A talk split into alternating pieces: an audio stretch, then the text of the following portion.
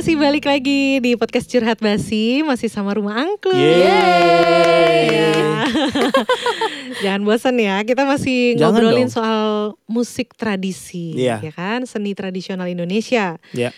Nah kemarin kan udah cerita nih gitu ya Udah sombong gitu Iya. kan Seru-serunya apa aja sih gitu Cuman untuk mencapai itu semua kan pasti lah Semua orang Iya. tuh pasti ada susahnya ya kan Nggak betul. mungkin lah nggak ada susahnya langsung seneng gitu tuh nggak mungkin Iya, betul. Nah para pendengar nih juga harus tahu gitu sebenarnya susahnya apa sih gitu. Selama ini kok bisa sampai ke luar negeri gitu ya. Itu pasti ada proses yang sulit Iya. gitu.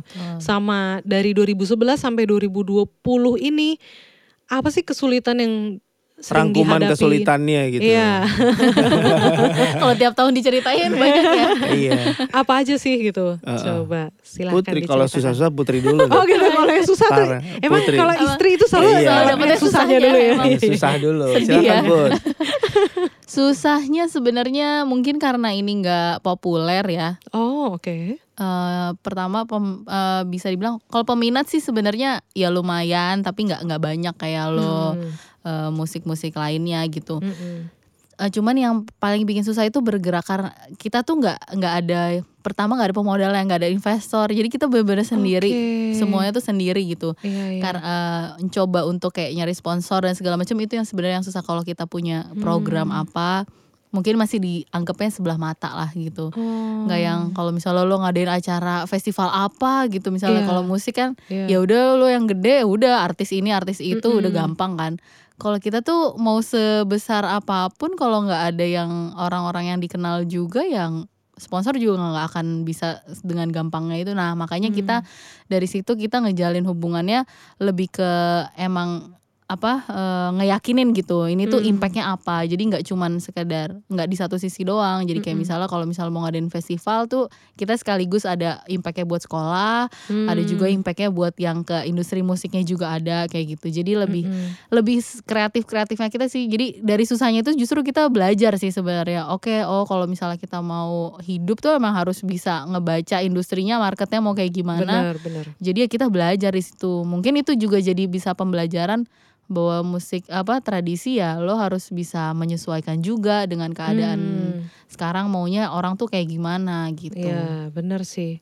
Itu susah sih. nggak sih kalau misalnya kayak benar-benar apa ya kalian tuh uh, mempertahankan ini aja gitu. Maksudnya mau nggak mau kan harus beradaptasi juga ya gitu ya dengan. Dengan adanya perkembangan musik sekarang apalagi udah EDM Aduh gitu iya benar. iya sih harus harus bisa beradaptasi banget Iya. gitu. Tapi merasa ter ini gak sih terintimidasi gak sih dengan perkembangan musik zaman sekarang yang udah makin istilahnya modern tanda kutip mm-mm. gitu. Ada sih berapa persen tapi ya. Maksudnya Hmm. nggak nggak nggak nggak dominan. Itu Hmm. pasti ada kita kita agak terinti- terintimidasi atau ada tekanan kita ini harus gimana ya gini bla bla. Itu tuh pasti ada. Terutama Hmm. apalagi pergerakan rumah angklung tuh dulu kan dari komunitas yang kesulitannya adalah ngumpulin orang untuk main. Karena waktu itu Hmm. mainnya massal kan. Oh iya benar. Paling sedikit ada sedikit eh, 20 kita baru bisa jalan. Kalau di bawah 20 tuh kita agak susah zaman dulu tuh. Oh gitu. Untuk bunyi iya, jadi nadanya hilang karena kan misalnya do-nya ada tiga udah dibagi-bagi nih. Oh iya iya benar. Uh, re-nya, mi-nya bla bla bla gitu. Nah, itu kesulitan paling paling klasik. Hmm. Kesulitan paling klasik bahwa ngumpulin orang untuk bisa bertahan datang tiap weekend Hmm. main angklung.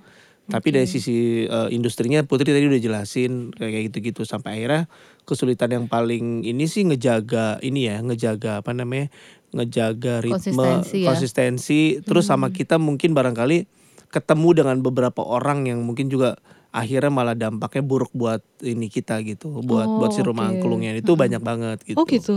Mm-mm. Oh. Kayak gitu misalnya ada yang kita sempat loh kalau boleh cerita di sini Mhm. rumah angklung waktu kita pas gua sama Putri lagi ada tugas ke Praha pelatihan Mhm. angklung malah orang yang gua tolong, Mhm. yang orang yang gua katakan gua percaya, gua tolong, gua Mhm. respect dia singkatnya memutarbalikkan kondisi yang di mana ternyata tujuannya adalah ingin mengambil yayasan rumah angklung Indonesia Oh. Gitu. Oke. Sampai- itu tradisi itu sejarah tuh Sampai email ada juga yang email ke KBRI Ke gitu dong. KBRI. Bayangkan Oh, kita ya gitu, kita lagi Iya. kerja di sana terus tiba-tiba ngirimin KBRI. Untungnya kita punya hubungan baik kan sama Iya. secara personal sama gitu yang di sana, itu sih ujian ter ujian lumayan berat Oh, oke. gitu ya alhamdulillah semua terlewati jadi rumah angklung masih tetap sama kita dan kita masih bisa jalan sampai sekarang gitu Hmm, Oke, kalau permasalahan tadi kan dibilang eh, minimal harus 20 gitu ya Iya. untuk jalan Iya, angklung yang betul. eh, massal, Masal gitu ya. Eh, pernah nggak kesulitan di situ? Maksudnya selama Hmm. ini apakah kayak merekrut orang tuh Gang? Oke. susah atau Bener gimana? dong, Wi. Mungkin kalau gua ini ini baru gua buka di sini di, di podcast Hmm, eh, apa namanya curhat. basi ini. Curhat basi. curhat basi ini di podcast curhat basi ini. Gue selalu bilang gue harus menjadi setengah motivator.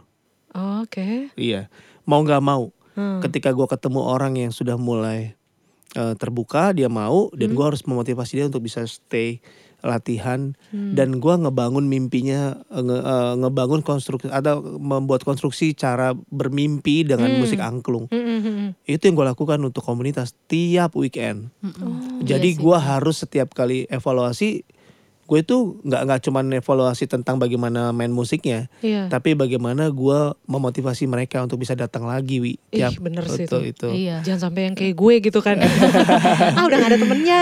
iya Iya. itu iya dan gue Iya, harus iya. mengalami maaf ya lima orang ngegeng Heeh. Kalau perhatian gue lebih ke lima orang ini Iya, lima iya. orang yang lainnya cemburu Iya bener sih. Bener Iya. bener. Ih, pasti gitu. begitu bener. Terus yang ininya lagi cemburu terus terjadi gitu. Jadi gua harus Hmm. adil. Nah itu yang dibilang itu gue jadi ingat tuh. Jadi kes- jadi keunikan dan kesulitan itu jadi memang gue jadi pelajaran buat gua Hmm, oke gitu. oke. Harus jadi setengah motivator gue untuk bisa membuat dia bertahan. Dan satu lagi Mm-mm. ada harus ada ujungnya dari setiap Maksudnya? kegiatan latihan harus Uh-huh. ada goalnya apa. Nah salah satunya Oh. konser. Oh gitu. oke. Salah Oh iya dulu konser. setiap tahun ada konser ya. Sebenarnya Iya, konser yang baru 2016 pertama ya? kali terjadi adalah nah di kau nih sama Jones bagian dari sejarah rumah angklung. Ya Ini perlu pendengar tahu juga. konser pertama kali terjadi di Indonesia itu sama sama sama Ui sama Jones bantuin kemarin yang 2016 itu Iya, iya. movie soundtrack. Mm-mm. Setelah kita pulang dari Italia. Iya iya. Yang Sebelum sebelumnya itu ya. nggak pernah jadi Wi konser itu karena Oh. Masalah eh, sosial eh, SDM, masalah ya gimana ya, Ya, Put, ya? Tapi waktu dari Mm-mm. pertama kali emang kita lebih banyaknya keluar keluar kan. negeri Oh. keluar terus kita mikir kayaknya udah mu- maksudnya kita nggak dikenal nih di Negara di dalam, sendiri. di negara Iya. sendiri itu nggak terlalu dikenal nggak orang nggak Iya, aware gitu Betul. Iya, Akhirnya iya, terus iya. kan ada komunitas juga kan. Jadi emang bener sih Arif itu waktu pas karena kita emang udah komitmennya waktu itu kan eh, komunitas itu harus hidup juga gitu. Iya benar. Jadi emang harus ngejaga orang-orang. Bayangin aja harus meluangkan waktunya di setiap Sabtu weekend gitu ya Hmm. untuk bisa datang. Itu kan emang harus ada motivasi yang kuat sih. Jadi dia emang benar-benar harus ngejaga banyak orang untuk bisa konsisten itu yang susah. Mm-mm. Iya, gitu. Apalagi betul. tradisi kan gitu. Iya iya benar-benar. Iya, gitu. Oke, berarti yang belum konser nih tahun ini ya? Tahu Gara-gara iya. koronce. harus ini Iya. harusnya tahun ini kita konsernya di Praha. Serius, Harusnya, gue iya. sedih banget tahu sebenarnya. Harusnya kita main di Praha nih tahun ini. Oh, di salah satu museumnya gitu. Iya. Udah ada suratnya, udah, Udah disiapin terus kita ada kolaborasi sama pianis gitu. Iya. Harusnya, tapi ya sudahlah. Museum bergengsi di kota Praha, Wi. Oh gitu. Gue pada Aduh, udah, gue udah ya. lirik-lirik Jones, kalau Jones nanti ya Nes ya. Pokoknya lu tahan ya di bulan-bulan Maksudnya ini. rame-rame nih? Kan Iya. maksudnya selama yang ini kan tim- yang tim kecilnya, kita, eh, tim kecil. Oh tim kecil. Tim tim yang Oh. sebenarnya sekarang kita kemarin terakhir konser sama Wildan lah, itu yang Oh, yang akan bandnya oke. lah. bandnya. Kalau yang rame-rame kan udah kemarin 2019. Hmm. Iya, Nggak capek juga ya ngurusin ini, jadi kita istirahat dulu yang kecil Iya. aja gitu. sebenarnya bukan capek tapi eh, ganti warna aja jadi Iya. yang yang rame-rame komunitas udah udah udah udah finish di Yang tahun puncaknya lalu. tahun lalu yang kita Hmm. sampai Harus main ngebikin nge-create eh, eh, lagi ya betul. biar Iya. baru lagi. Oke, boleh dong disombongin tadi eh, yang kemarin belum disombongin tuh di podcast pertama Oh, coba. iya. Disombongin dong. Maksudnya Iya. kalian ini kan soalnya setahu gua juga Heeh. kan waktu keluar negeri sama gue itu kan juga kita Heeh. kan tim kecil. betul Gitu. Maksudnya eh, yang tim besarnya kalian tuh pernah bawa tuh Mm-mm. kapan gitu loh dan maksudnya ya itu Iya. kan pasti kesulitannya beda dong dengan bawa tim kecil ya. 2019 2019. jadi Jadi itu. sebenarnya gini, Hmm. yang tadi dia bilang, eh, Arif bilang itu ngejaga mimpinya. Jadi mim- akhirnya kita putusin, oke kita kalau mau mimpi nggak usah setengah-setengah. Ya udah Oke. nih tim besar bawa, kita akan bawa ke Eropa gitu. Hmm. Dan emang kita bisa diundang juga untuk bisa ikut kompetisi di sana. Iya. Ya udahlah dia dengan mimpi gilanya, kita bawa boyong 50 orang gimana caranya buat Iya. bisa ke sana. Terus ya alhamdulillah lah. Di sana Iya. ikut- kita ikut kompetisi. Ke negara apa Ya, tuh? Itali juga, J Solo tapi di J Solonya. Hmm. festival eh, lombanya di J Solo tapi kita jalannya kelilingnya ya di, di Italia itu ya ke Milan terus kita ke Austria, Oh, ke. Wina, terus kita ke, ke Praha, ke Praha. terakhir. Jadi di Oh. Eropa tuh kayak rumahnya ya di Praha. iya, gitu. gitu. Oke, Jadi sebenarnya 2019 tuh banyak momen sebenarnya. Hmm. Jadi ya momen World Cup itu, terus kita Hmm. juga yang sama eh, kita direspon sama Milan AC waktu itu Milan. AC Milan, Iya. Oke. Jadi ya paralel lah di situ, mimpinya Iya. besar banget. Jadi kalian main tuh. Main di ini, tapi belum di San Siro-nya kebetulan. Oh. Tapi kita main di office-nya, di office-nya official, official fanbase-nya gitu lah. fanbase-nya Oh, fanbase AC. Milan. Heeh. fan Oh. iya kan fanbase ya, kantor Apa dong. sih? Kantor sama fanbase. ini sama official store-nya Official- gitu, official merchandise store, store. merchandise. merchandise-nya di sana. Ah, kita main di sana plus yang paling membanggakan lagi adalah sebenarnya kita udah naruh angklung di sana. Di museumnya, di museum di Casa Milan itu jadi ada ada angklung plus suara eh Lagu. cover lagunya Ino Milan sama Sarah Perke. Wih, gila. Keren yang banget. Yang di di, yang yang di yang di apa yang suaranya eh, sentuhan magicnya dari Mr. Jones. Mr. Jones itu Mr. Jones. sudah ada. Jadi kalau ada yang pendengar ada yang mampir ke Casa Milan ada angklung nah itu lah. Oke, wah gila ya. Oh gitu. iya, jadi Oke. kita main di sana. Tapi susahnya gimana tuh bawa 50 orang ke Nah. sana? Naik bus kah ke Eropa? Iya. Sebenarnya sih jujurnya susah sih enggak ya maksudnya susah itu enggak ada susah sebetulnya. Cuman nah yang kita perlu yang mau gue ceritain adalah hal di luar dugaan. Oh iya. Oh, hal di luar oke. dugaan. Jadi Apa tuh? waktu itu Putri sudah arrange semua bus. Ah. Jadi begitu kita mendarat di Malpensa, wi, Hah? Ini gue mau sombong aja Malpensa itu adalah mimpi gue. Gue mimpi gue satu saat. Jadi gue sering gue suka banget sama klub AC Milan. Iya. Setiap kali ada pemain bintang turun dari pesawat atau ke bandara itu gue selalu bilang someday gue bakal keluar dari bandara itu dengan dengan sombongnya gitu. Iya, Gila iya, gue kayak iya, pemain iya. Mil- bintang Milan dan gue mendarat di situ. Cuman kejadian itu tercoreng dalam tanda kutip ada ada ini karena Putri sebenarnya ada ada Miss. ada udah udah udah komunikasi soal bus Uh-huh. bukan miss justru malah kesalahan dari pihak sana si busnya Oh, oke. dia email dia nggak tahu tuh bahwa di yang pas dia email kita udah di atas pesawat jadi nggak Oh, masuk iya, internetnya masuk. Ya menurut Iya, lo. ternyata itu penuh wi gitu. Itu dia nggak ada armadanya yang Maksudnya ada armada yang harusnya buat kita, Buat kita, dia tuh ada busnya ada rusak ada, broken masalah gitu, ada broken. iya busnya. Nah, terus? Ada Dan broken ada rusak. penggantinya. dan nggak ada penggantinya dan lagi penuh jadi high season gitu ya. Mm-mm. sampai Malpensa dong panik lah tapi udah nyampe ke sana Udah dong. nyampe. Sempat Cuma- sombong juga dong. Iya, sombong tetap juga. sombong dong, tetap Tetap. sombong. Tapi maksudnya kedinginan. itu harusnya kita di Malpensa tuh cuman satu jam atau dua jam. Oke. Harusnya. Jadi jadi kita ngaret sampai 4 sampai 5 jam. Dan Ngapain untuk ya nunggu, Nunggu kita bus, ganti kita ganti mobil dong. Ganti mobil Ganti dan mobil. gak dapet. Dan Dan itu dapet. iya. Dan gak dapet dong Wi.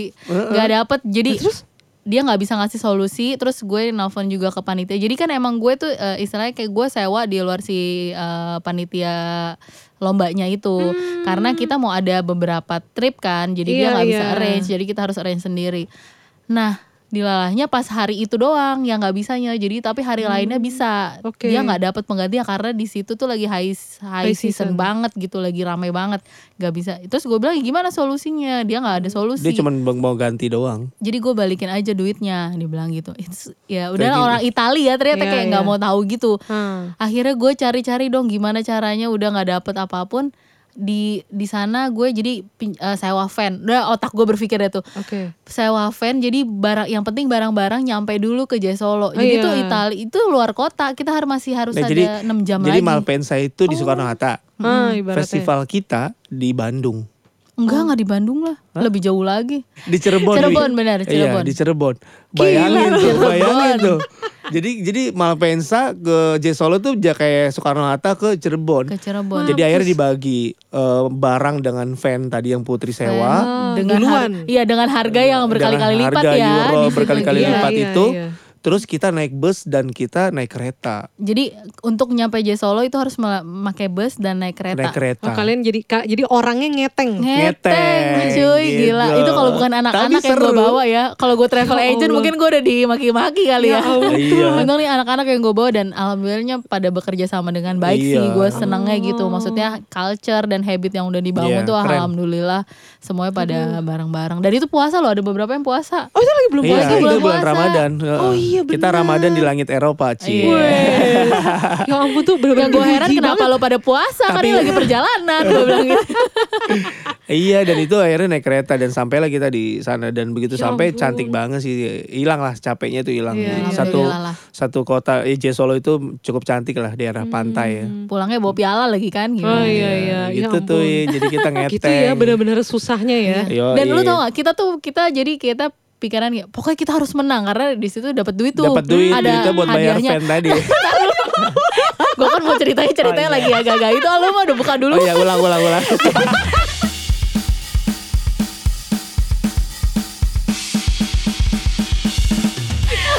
Motivasinya bukan karena oh, kita harus bagus menang mau juara gitu enggak. Iya, iya. Pokoknya kita harus juara supaya dapat duit bisa nutupin fan gue. iya.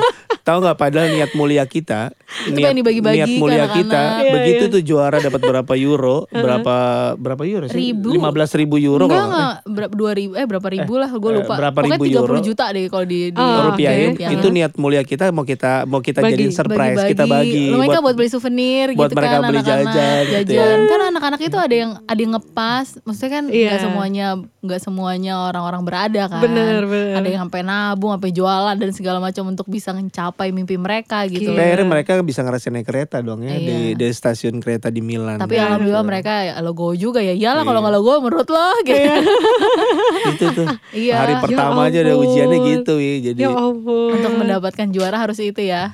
Gila Terus ya. ada Iya. kejadian-kejadian gitu deh. ya dia email kita lagi di pesawat ya nggak di internet kan. Jadi gitu Iya dia sih, nggak bener tahu sih. gitu. Nah itu pengalaman tuh. Oke, tapi eh, kalian kalau ke ti- tiap ke luar negeri itu Hah? apakah selalu ada kesulitan-kesulitan yang kayak gitu atau sebenarnya kemarin tahun lalu tuh spesial aja? Tahun lalu sih spesial, Spesial, karena biasanya iya. kalau tim kecil kita udah di arrange jadi kayak tinggal Oh. duduk manis kan. Iya. Oke. Udah di arrange biasanya iya. kita undangan, diundang atau misalnya ya udah Jadi gitu. dijemput gitu Oh ya. iya, kayak waktu VIP kita lah. Oh iya. kayak ya. waktu kita nggak perlu ngantri imigrasi Ah, iya, panjang ya. Tiba-tiba Sampai nyamperin di kan. bandara Iya, ya. Roma kita Ah, langsung ah, disamperin langsung bener. lewat sini kak asik. langsung langsung di diomong-omongin Iya, iya, dibisik-bisikin gitu ya dibisik-bisikin, langsung dibisik-bisikin langsung Iya, iya. Iya iya iya betul-betul. terus semua orang Gitu. menatap kita dengan iri gitu Iya. Iya iya untung betul. julid cuma ada di Indonesia ya iya. Iya, Jadi iya, baru iya. kemarin doang kita bener-bener arrange sendiri Oke. semua kecuali ya udah eh, mandiri lah kita coba coba semuanya dan alhamdulillah sih bagus kan hasilnya juga. Dan masih masih on tempo dalam artian waktunya timingnya masih iya aman. iya benar Oh, masih untungnya nggak sampai terlambat Eh, banget iya lah nggak ya sampai terlambat tengah malam gitu enggak sih. oh oke Gitu. wah luar biasa banget di Gitu. perjuangannya ya Anjay. Seru sih. Makanya aduh. Seru ya inget-inget Iya. ya. seru ya tuh Hmm. sebenarnya Iya. ya cuman eh, oke ini berikutnya adalah eh, pengen tahu buat mungkin teman-teman ada yang pengen bergabung gitu ya mungkin Ah.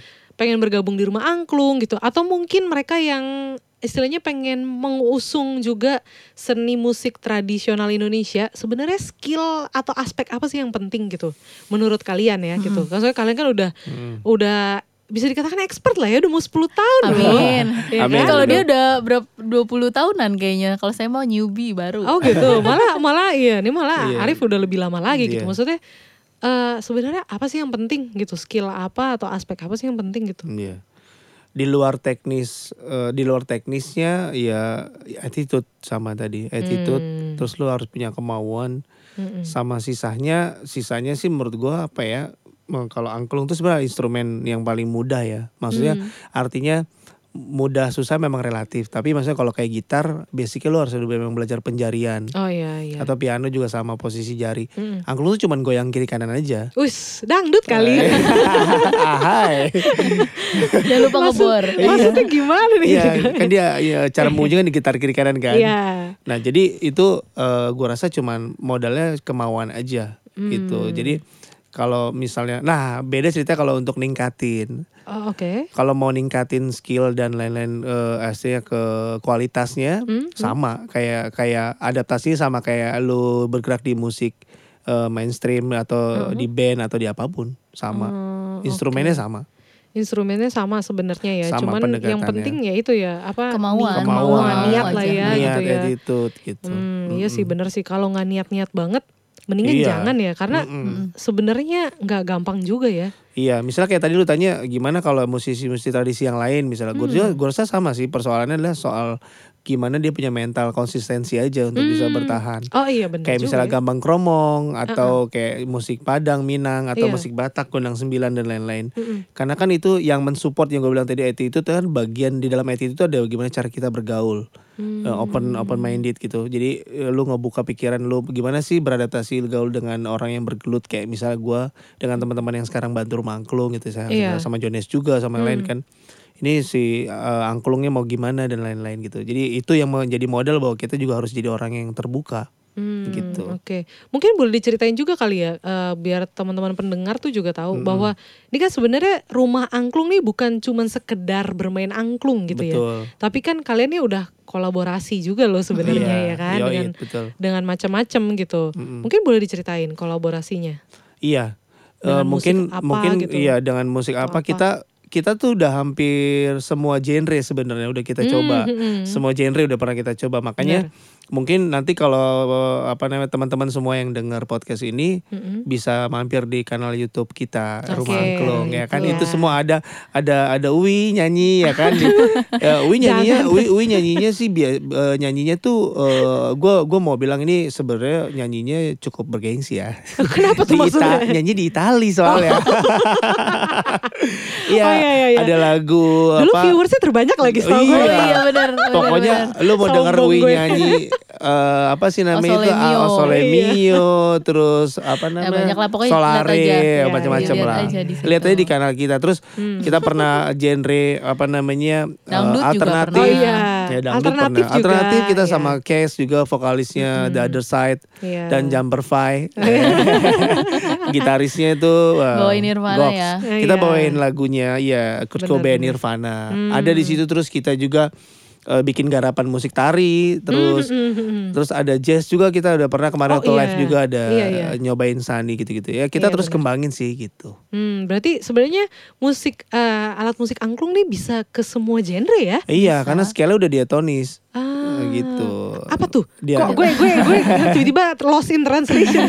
iya maksudnya scale-nya udah nadanya udah do, udah solmisasi udah do re mi fa sol la si do mi, udah sama sol, udah si, delapan gitu ya. Oke. udah termasuk ada ada crash-nya gitu Oh, iya iya, sebenarnya benar. si musik angklungnya itu sendiri kalau lu mau bawain buat ke pentatonis atau yang tradisinya Indonesia ya itu dapat banget suaranya Dapet kayak banget. Sunda banget. Nah, Ah. tapi dia punya udah di waktu itu kan sama Pada yang Sutikna yang Bapak Angklung Indonesia itu diubah jadi diatonis dan akhirnya ya bisa mengikuti sebenarnya sama musik Hmm. lain. Makanya kenapa dipakai di pen- eh, untuk pendidikan karena kan Iya. buat kebersamaannya tapi dia juga belajar musik di situ benar, gitu. Iya. benar. Jadi kenapa bisa berkolaborasi banyak ya kita berkolaborasi sama tradisinya juga kita buat garapan tari dengan betawi dan segala macam itu bisa jadi kita tuh pengen nunjukin bahwa si angklung ini alat musiknya bisa ke mana aja gitu Betul, betul. Buat Luas ya? kita- iya luas Iya. banget Luas Karena banget. waktu pada yang ngerubah dari pentatonis yang lima nada itu yang dominati lada sampai ke do re mi fa sol la si do tujuan pada yang salah satu ada buat sebagai alat diplomasi. Oh, Iya. Uh, jadi kan waktu itu pada yang bikinnya waktu zaman penjajahan ya, waktu sama Oke. ketemu Belanda. Jadi dia pengen pamer. Jadi gue bisa nih instrumen Indonesia tapi bawain lagu Belanda. iya Gitu. jadi mungkin kalau lo punya violin lo punya ini Iya. kita punya angklung Kita punya gitu angklung, tapi bisa juga bawain lagu lagu-lagu Belanda gitu, Kayak kita lagu-lagu kan asing, bawain apa lagu klasik. anthemnya Itali kan waktu Iya, itu gitu bener, Ya, kayak bener. gitu sih Iya sih benar juga sih. Oke, iya iya iya. Jadi mungkin buat teman-teman yang belum pernah denger dan belum pernah tahu gitu ya. Hmm. Angklung tuh bisa mainin musik aja, apa aja sih? Boleh lah ya mampir-mampir ya Iya yang punya dong. kuota banyak ya kan. Iya dong. Rumah angklung, nanti keluar Jangan cuma nonton YouTube-YouTube yang Iya, gitu-gitu betul. aja ya kan. Yang ibu udah makan belum Iya. sih? udah jualannya berapa lama? Mohon maaf nih, masa jangan cuma gitu-gitu aja bosen kali kan. Iya, bener. Coba dengerin nih biar biar luas gitu loh wawasannya ya. Satu lagi jangan di skip iklannya. iya Kita butuh duit. biar biar orang-orang yang terlibatnya bisa merasakan Iya gitu. dong. benar, benar. Iya, jadi eh, itu ya biar teman-teman tuh semakin luas gitu wawasannya bahwa eh, angklung tuh ternyata bisa untuk musik apa aja gitu Iya, ya. betul. Ya betul. musik, eh, iya waktu itu sih gue kebetulan bantunya ya memang waktu itu musik alternatif yang itu yang Nirvana gue juga pernah bantuin itu Hmm. Betul. bisa dan Maksudnya eh, mungkin kalau cuman kita ngomong doang kayaknya orang masa iya sih Iya, gitu ya. betul. Jadi langsung aja lihat di YouTube-nya Rumah Angklung ya. Iya. Rumahnya Rumah Angklung kan Betul, benar YouTube-nya YouTube-nya? Rumah Angklung. Iya, jadi biar bisa teman-teman lihat sendirilah, denger sendiri gitu ya. Iya dong. Seeing is believing. Yes, itu. artinya jangan lupa makan. Artinya kuy. Artinya dilarang merokok. Takis lah sikat kalau tanah sekarang. Oke, nah terakhir nih, Iya. ada nggak eh, mungkin hal yang tidak diduga buat kalian gitu ya selama eh, membentuk rumah angklung gitu. Iya. Tapi ini kok jadi sesuatu yang lucu gitu. Mm. Lagi-lagi kita selalu menutup sesuatu dengan yang lucu. Yang lucu harus lucu Ah, ya. tapi tapi bukan yang kalau kalau yang kemarin kan ceritanya yang di luar negeri gitu Iya. lucunya ya. Ini yang di di dalam gitu. Maksudnya ketika kalian bentuk komunitas gitu ternyata ya ampun gitu. Ini lucu banget ya gitu. Ada Hmm. apa sih yang menurut kalian tuh mungkin nggak harus lucu lah, unik lah gitu ya. Apa gitu. Mm. Kan soalnya lumayan loh nih kalian mengumpulkan orang-orang yang nggak saling kenal gitu kan. Iya. Pasti ada Kita sesuatu dong. saling Iya. Ada promo lagu. ada promo tersembunyi. Aduh, aduh, aduh, aduh. Iya, iya, iya. Iya iya iya benar-benar. Gitu. Pasti ada dong yang unik gitu dan apa ya kalian menemukan sesuatu yang, wih ternyata anak-anak ini apa Dari gitu. sisi mana pun gitu dari sisi apa Iya, aja. ya mungkin lu sebagai pelatih atau lu Uh. sebagai oh ya mungkin eh, apa ya musisi musik tradisi gitu. Apa sih yang ka- yang kalian tuh temuin? Ih ternyata nih bikin begini nih ada anak-anak ini unik gitu atau Oh. apa gitu. Apa Silakan tuh? Bapak. Yang Putri unik. ada? Bapaknya anak-anak kan soalnya. Oh ya bapaknya anak-anak. Iya, wi, gue lagi mikir-mikir apa ya. Tapi tapi tapi prinsipnya, eh, tapi gini, yang kalau gue mau share adalah selama ngebentuk komunitas ini, Hmm, gue jadi kayak punya satu jalur Hmm. jamahan dalam tanda kutip Heeh. eh, heart to heart ke teman-teman yang terlibat. Maksudnya Kayak- gimana maksudnya tuh? gini, maksudnya kayak yang biasa anak ini sebenarnya nggak pernah nunjukin kemampuannya atau di rumahnya dia pendiam. Heeh. Ternyata begitu di rumah Agung dia sebenarnya nggak pendiam, dia hanya nggak kayak nggak Oh. pede aja, nggak percaya, nggak mendapati kepercayaan. Sementara di rumah Oh. Angklung gua kasih seluas-luasnya untuk dia bisa mengekspresikan dirinya dia gitu-gitu. Oh, oke. Terus kayak ada gue tiba-tiba ketemu anak yang sebenarnya dia kayak eh, doyan ngomong di Hmm. rumah angklung. Padahal eh, padahal aslinya ya kalau di lingkungan yang lain dia nggak dia nggak berani nggak berani ngomong karena dia nggak di karena dia insecure karena nggak ngerasa nyaman. Dan di rumah angklung tuh bisa bikin nyaman. Makanya filosofinya eh, namanya rumah tuh jadi akhirnya berkembang jadi filosofi rumah memang di kayak kayak Emang kita didesainnya belajar eh, kayak di desainnya belajarnya seperti di Oh, rumah Makanya namanya rumah. Iya makanya gue dipanggilnya bapak, ini ibu gitu. Oh, Jadi lu boleh oke. cerita apa aja, bahkan ketika lu lu boleh request ini rahasia yang nggak boleh orang tahu pun kita kita bisa skip, eh, bisa kita simpen gitu, Hmm. kita keep gitu. Wow, luar Gitu. biasa ya. Ini Gitu. Lebih personal Selain ya. jadi pelatih, jadi konselor juga ya. Gawat Oh, iya, nih. iya, iya, iya. Maksudnya jadi Lama-lama gue pendengar. hilang job nih gue ntar. Jangan dong.